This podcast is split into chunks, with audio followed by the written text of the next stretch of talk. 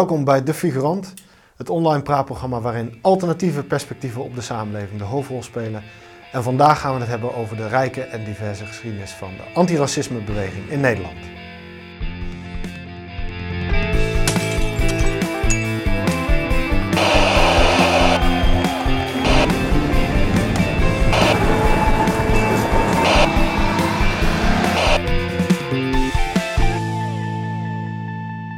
Racisme is de laatste jaren een belangrijk thema in de media en in het publieke debat. Bijvoorbeeld als het gaat om Zwarte Piet of over etnisch profileren of racistisch eh, politiegeweld.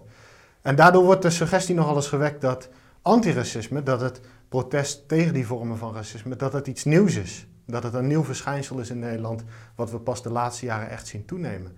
Maar is dat wel zo? Want antiracistische strijd heeft wellicht een veel langere en veel rijkere geschiedenis dan heel veel mensen denken. En wat is die geschiedenis dan precies? Wat, om wat die geschiedenis? Daar ga ik het vandaag over hebben met twee gasten. Uh, allereerst André Reder, uh, oud uh, activist bij um, Solon, een landelijke, Lozon, pardon, pardon, een landelijke organisatie van Surinamers in Nederland, een Surinaamse strijdorganisatie. En Mitchell Azayas, medeoprichter van New Urban Collective en van de Black Archives mm. in Amsterdam. Welkom, allebei. Fijn dat jullie er zijn. Even kort om een beeld te krijgen. Uh, Lozon, wat voor organisatie was dat precies? Dat was een strijdorganisatie van de Surinaamse gemeenschap in Nederland. Die is in 1972 opgericht uit een aantal Surinaamse socialistisch links georiënteerde studentengroepen in Nederland. En die heeft iets van 20 jaar bestaan en die voerde een strijd voor de belangen en rechten van de Surinaamse gemeenschap, met name ook uh, op het gebied van de eno het, het, enorme racisme dat die gemeenschap uh, ten deel viel. Mm -hmm. En de, de, de, de Black Archives, ja. zit hier vooral namens, wat, wat, wat voor organisatie is dat precies? Um, nou, het is een initiatief van New Urban Collective en Vereniging Ons Suriname. En NUC is ooit begonnen als vereniging voor studenten van kleur, met name de Surinaamse en Afrikaanse diaspora. En uh, ja, na verloop van tijd kregen we een donatie van uh, Miguel Gemma Helbron. Mijn vader was een socioloog. Waldo Helbron, die had een gigantische collectie boeken. Nou, die is helaas overleden in 2009. En een deel van die collectie hebben wij samen gekregen. Op een gegeven moment moesten we verhuizen naar een pand en zijn we bij Vereniging Onze Suriname terechtgekomen. En daar troffen we ook weer een hele oude en interessante collectie boeken en documenten aan die ja, een soort van verzwegen of verborgen geschiedenis uh, zichtbaar maakte over inderdaad antiracisme-strijd vanaf de jaren 20, 30 tot nu. Schitterend. Dus twee activisten van twee verschillende generaties over, ja. over, uit uh, de antiracisme-beweging. Uh, um, als, we het hebben, als we het gaan hebben over, we komen straks nog op, op Lozon terug, uh, als we het gaan hebben over de geschiedenis van de antiracisme-beweging. Um, Waar zou je dan het begin van zo'n geschiedenis, ik ga eerst even naar waar zou je het begin van zo'n geschiedenis plaatsen ongeveer? Mm.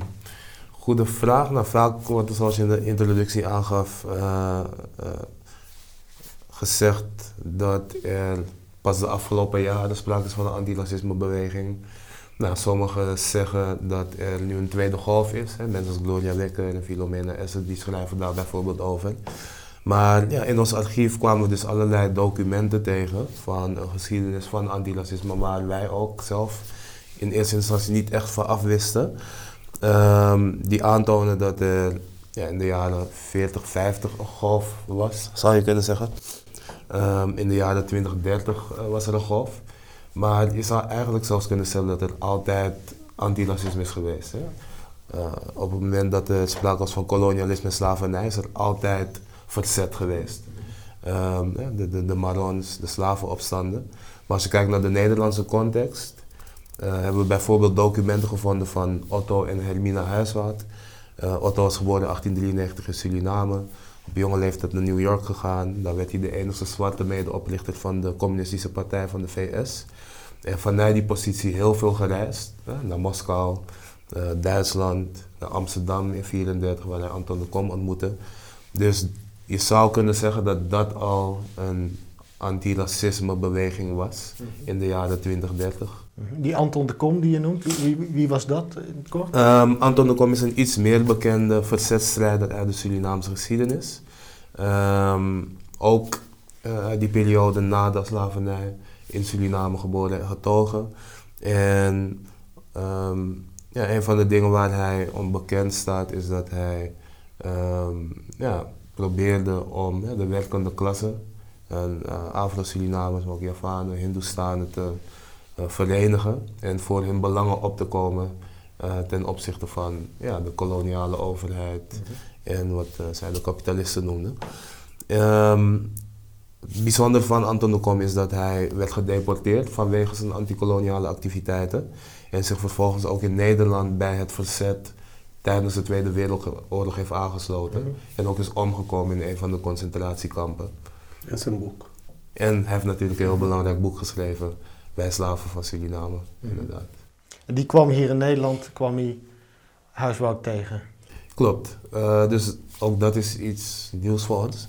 Wij kwamen zelf vanuit NUC achter het verhaal van de huiswaard vanwege de documenten die wij vonden. Mhm. En um, in die documenten uh, vonden we dus aanwijzingen dat Anton de Kom, Otto en Hermina Huiswoud meerdere keren, uh, ja, ze elkaar meerdere keren hebben ontmoet. -hmm.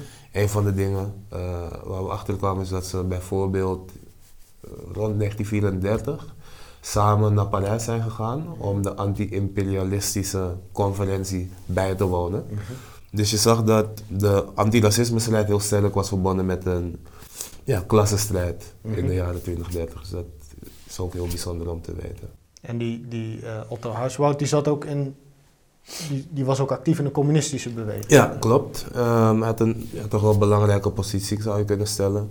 Um, vanuit die communistische partij in de VS werd hij gestuurd naar Moskou. Mm -hmm.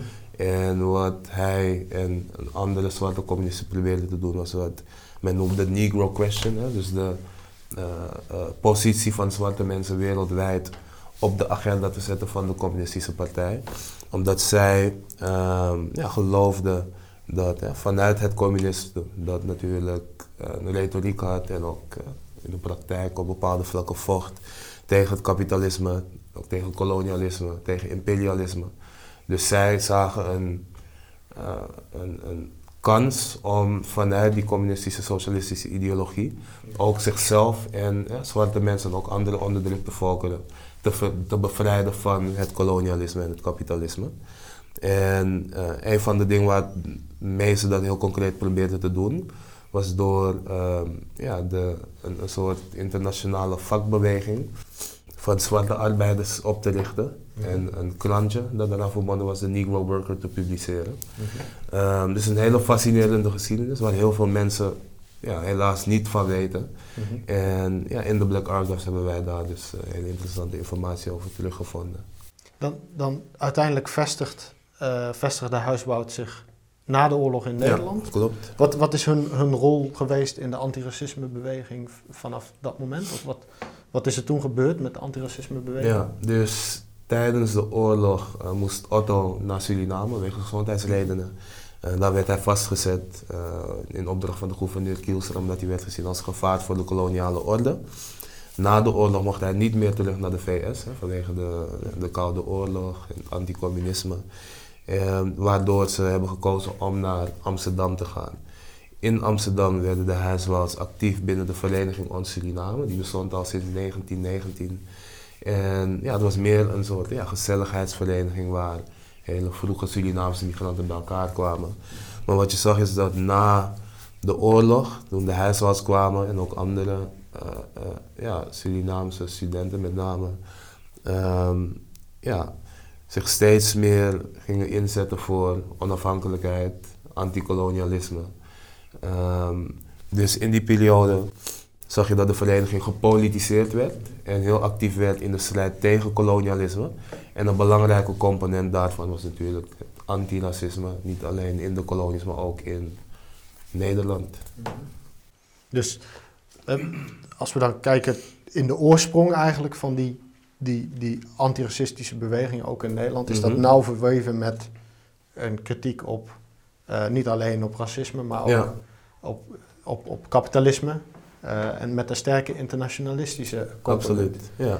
Als we dan doorgaan in de, die geschiedenis verder, verder, uh, verder aflopen richting de jaren 70, 80. Dat is de tijd dat jij ook actief werd hier. Als student. is dat, zou je dat een nieuwe, een, nieuwe, een nieuwe golf kunnen noemen in die antiracistische beweging? Nou, hoe ik er nu naar kijk, we doen nog steeds onderzoek, is dat je inderdaad ziet als dat er een soort golfbeweging is. Ja, er is wel continuïteit, maar er zijn, zijn periodes waarin het wat intenser lijkt dan andere periodes.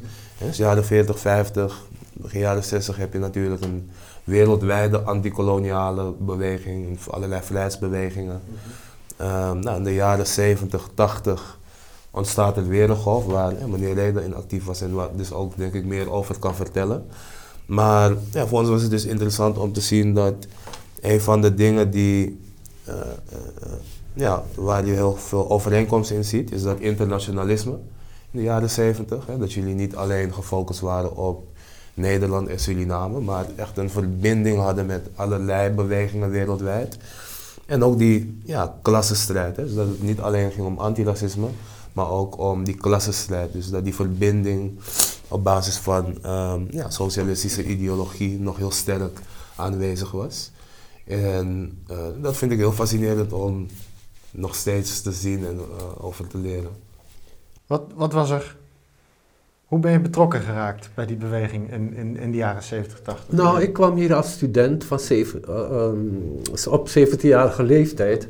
En er was dus zo'n Surinaamse studentenorganisatie in Utrecht waar ik ging studeren. En die, ja, die had uh, scholingen en uh, bijeenkomsten, die hield zich bezig met antikolonialisme, ook met marxisme en leninisme. En daar kwam ik mee in aanraking. En daardoor uh, kreeg ik antwoord op vele vragen die ik had door mijn opgroeien in een kolonie van Nederland in Suriname. Weet je, van waarom worden zwarte mensen niet gelijk uh, behandeld? Uh, waarom al die witte mensen in posities in Suriname altijd beneden? Waarom die, gaan al die winsten voor het grootste gedeelte naar het en niet naar Suriname? Dus ik zat vol met vragen. En bij die organisatie kreeg ik dus allerlei antwoorden op die vragen. En een aantal van die uh, socialistisch georganiseerde studentencomité's, want in Utrecht had je er eenmaal, in Groningen, in Nijmegen, in alle studentensteden organiseerden de Surinaamse studenten zich. En een aantal van die hebben zich gegroepeerd tot wat toen de LOSON werd, mhm, mhm. de Landelijke Organisatie van Surinamers in Nederland. En we waren heel erg, want we waren toen nog een kolonie. Mm dus we waren heel erg gericht op uh, strijd tegen het kolonialisme, maar ook ondersteuning van die strijd tegen het kolonialisme die in Suriname plaatsvond. Mhm. En ook de arbeiders- en boerenstrijd die in Suriname plaatsvond. Dat ondersteunden we ook. En als studenten waren afgestuurd, dan gingen ze terug om daar de marxistisch-leninistische of boer- of arbeidersbewegingen te ondersteunen. Dus het had aanvankelijk primaire focus op Suriname? Aanvankelijk wel, ja.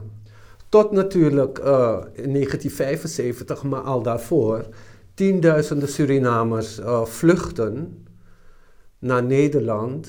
En uh, ja, en ze waren toen Nederlandse burgers. Ze hadden een Nederlands paspoort en met daaraan verbonden alle rechten die Nederlands.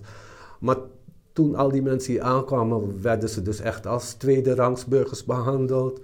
Ze werden overspoeld met racistisch beleid, maar ook racisme in de steden en dorpen. Mhm. Weet je, ik, ik weet nog in Norg, dat is een dorp, daar liep de burgemeester voorop om uh, te protesteren tegen de komst van Surinamers. Eh, ze, kwamen terecht in pensions waarin ze werden opgevangen. En die pensions die werden gesubsidieerd door de overheid. Dus al die pensioenhouders die uh, dachten, ah, we gaan geld verdienen en propten ontzettend veel mensen in een kamertje om zoveel mogelijk geld op te steken in de meest abominabele panden.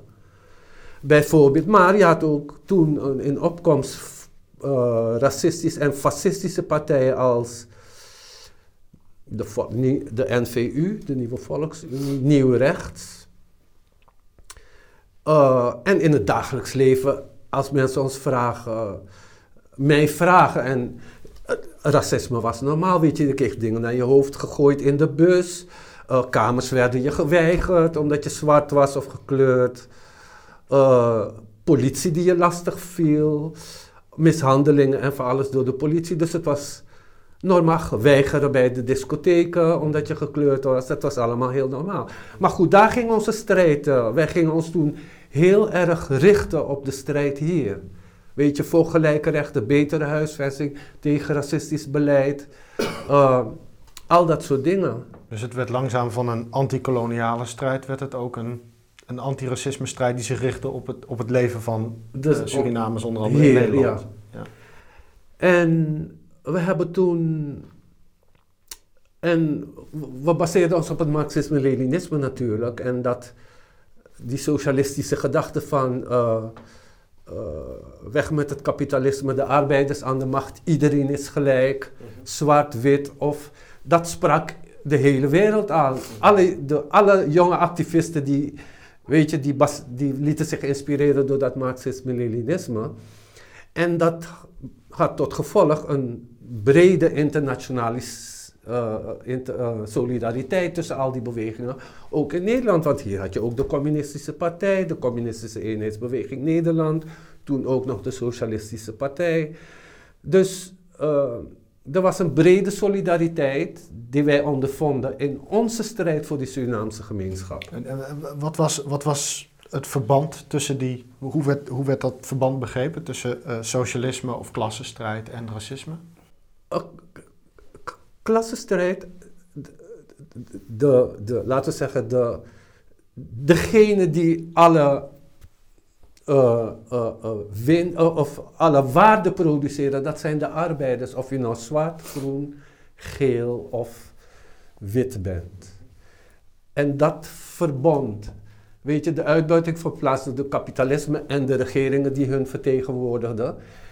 En dat verbond alle rassen of culturen met elkaar in die strijd. En dus als er eentje met de strijd bezig was, was iedereen solidair. Dus ook als wij met onze strijd voor de rechten van die Surinaamse gemeenschap bezig waren, waren een heleboel organisaties solidair met ons en omgekeerd. We hebben ook solidair in demonstraties gelopen voor Palestina, voor Zuid-Afrika of met arbeiders die hier in de strijd in de haven bezig waren. Dat, dat was het in de praktijk eigenlijk. Jullie hielden je ook veel bezig met, juist met sociaal-economische aspecten van, van, uh, van racisme wat dat betreft. Ja, zeker. Omdat onze gemeenschap uh, daar heel erg ook mee te, te maken had. En, en, concreet, wat voor campagnes werden er gevoerd? Nou, we hebben toen het initiatief genomen. Als ik eraan terugdenk, denk ik wat bezielde ons, maar we hebben het gewoon gedaan. We hebben toen een, uh, in, ik geloof Amsterdam, Rotterdam, Den Haag. Ik was zelf verantwoordelijk in Tilburg zeker vijf steden antiracismecomité's opgericht. Mm, en die, dat was een heel breed verband. Er zaten vakbonden in politieke partijen, antifascistische en antiracistische comité's. En een van de, een van de uh, hoofdeisen was het verbod van die uh, partijen als de, nieuwe de NVU en Nieuw Rechts. Weet je, die uh, racistisch waren en het fascisme aanhingen ik weet nog dat er in sommige steden bijeenkomsten van hun door activisten vereideld zijn.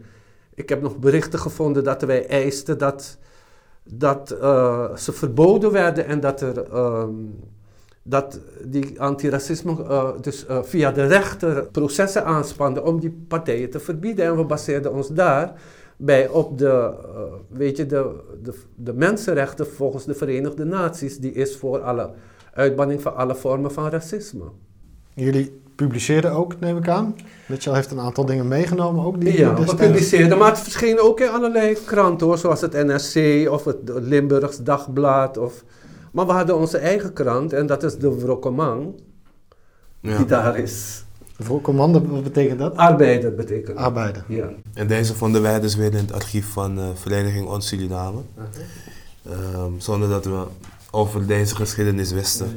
Dus wij vonden al deze, of een hele stapel van dit soort interessante krantjes, documenten, waarin je dus echt hele interessante dingen zag over. Antiracisme, anticolonialisme uit de jaren 70 in het Nederlands, over Nederland en ook internationaal. Dus ja, toen zijn we gaan rondvragen en ja, gelukkig kenden we elkaar wel al. Maar ja, we zitten nu eigenlijk nog steeds midden in het proces van het herontdekken en zichtbaar maken van deze geschiedenis. En wij zitten zelf ook midden in het proces van het. Uh, want we hebben de tegenwoordigheid van geest gehad om bij een aantal voormalige activisten alle dozen uit de zolders, uh, uit de kelders te gaan halen en um, onder te brengen bij een instituut. En wij zijn nog steeds in het proces bezig van het sorteren in samenwerking met, maar ook het digitaliseren van alle stukken. En we hebben daar al verschillende presentaties over gehouden. En dit is ook een manier, dit is ook een, een, keer dat wij over deze geschiedenis praten bij jullie. zeker. je hebt nog iets anders meegenomen ook. Wat, wat was dat? Dat is um, van een evenement dat jullie organiseerden? Nee, dat waren wij niet. Oh, nou, deze, uh, dit, dit document heb ik van Ernestine Convalius gekregen. En dit is de tekst van een uh, liedje, als ik het goed heb begrepen. Een klein beetje verkouden. Maar van een liedje Leven de strijd van de Bijlmerkrakers. Dat ging volgens mij over de beweging waar ik zojuist kort over vertelde. Dat er flats in de Bijlmer werden gekraakt, zodat mensen op een menswaardige manier konden leven in Amsterdam Zuidoost. Hoe, hoe, hoe ging dat, kraken in de Bijlmer? Nou, wat ik vertelde, als ze kwamen terecht in al die abominabele pensions, werden ze volgepropt. Terwijl de Bijlmer, die was toen net gebouwd in 70, 71. En een heleboel van die ruime flats die stonden toen leeg. En om een rekensommetje te geven, uh, een gezin van vier die in zo'n kamertje zat, die kreeg, de pensioenhouder kreeg misschien daar uh, toen die tijd 1200 gulden subsidie voor dat kamertje. Terwijl de huur van zo'n flat, zo'n ruime flat, 500 euro, uh, gulden per maand was. En dat was dus gewoon een schrijnende tegenstelling. En toen hebben zeker een, een honderdtal Surinaamse gezinnen toen flats gekraakt ook met welzijnswerkers die toen in de Belmen waren. En wij hebben toen die strijd ondersteund en een solidariteitscomité georganiseerd, een strijdlied gemaakt. En dat is de tekst die ah, hij bij zich heeft. Ja. Wat, wat is de tekst?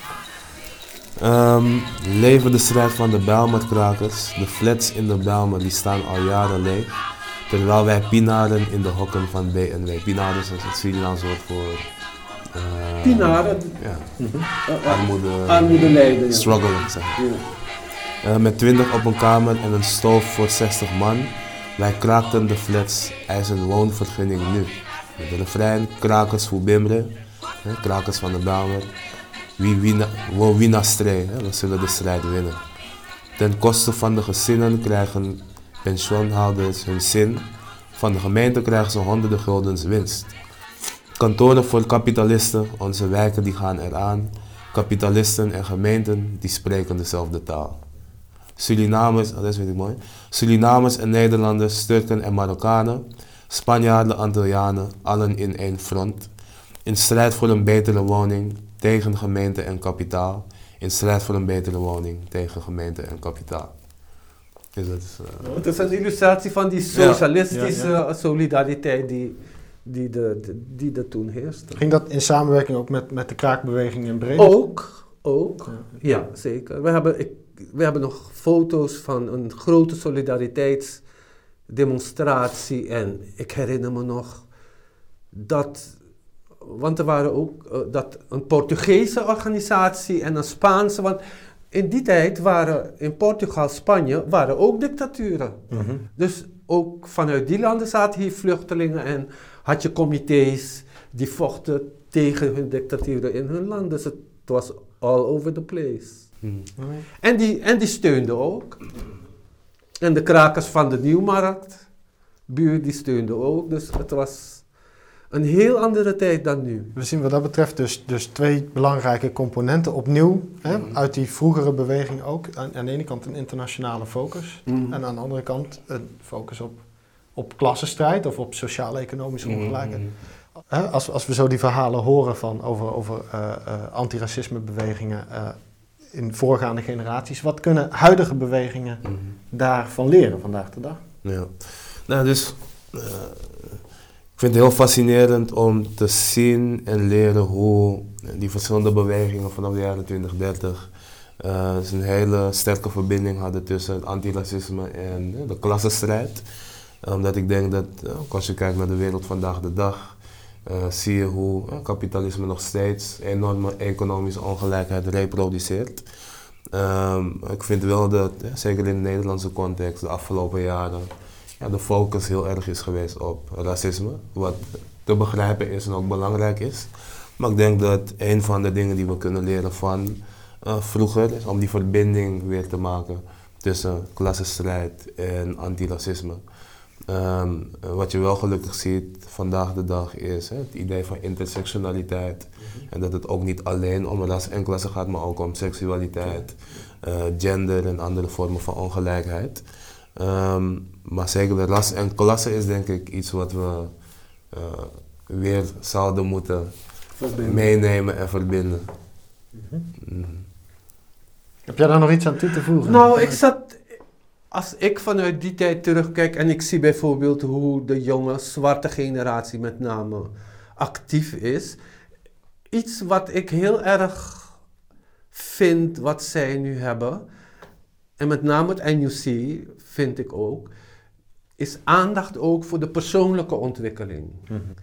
En de persoonlijke emotionele ontwikkeling.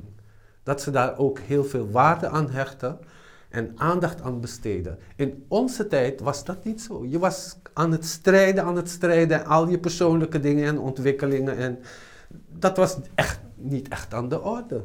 En dat vind ik het sterke, want het is heel belangrijk. Weet je, je kan wel actie voeren en strijd voeren, maar als je persoonlijke ontwikkeling niet meegroeit, dan ga je op een gegeven moment afhaken of, of ineenstorten of whatever. Ja, daar is nu veel meer. Dat vind ik echt een heel sterk, dat inspireert mij heel erg. Als ik kijk naar de generatie van Mitchell, echt. Ja, Behalve idee, al het ja. andere wat ze doen natuurlijk. Ja. Dat is het idee van self-care. Ja, en hè, we hadden het ook over internationalisme. Dus aan de ene kant heb je het wel nu. Het is ook heel makkelijk om via social media wereldwijd contacten te leggen. Dus je hebt het wel. Maar als ik kijk naar vroeger, lijkt het alsof de verbindingen wat sterker waren. Het is nu heel makkelijk om hè, even iets te retweeten en te denken dat je dan echt een internationale onderdeel bent van de internationale beweging. Terwijl er hier echt een soort ideologie, een gezamenlijke basis en visie eh, aan ten grondslag lag. En dat heb je nu niet. Het is nu heel vluchtig allemaal. Ja. Uh, maar wat je wel hebt door dat social media, is dat je makkelijker informatie kan uitwisselen. En ja, self-care is een, een idee van hè, dat je niet alleen moet kijken naar hè, strijd. Het is belangrijk om, als je duurzaam eh, een verandering teweeg wil brengen, dat je ook let op hè, jezelf en je naaste, emotioneel, psychologisch, sociaal, et cetera. Dat je zelf ook duurzaam bent. Mhm. Precies, ja, dat je ook gewoon let op je... Ook voor toekomstige generaties. Ja, als ja. een strijd. Absoluut.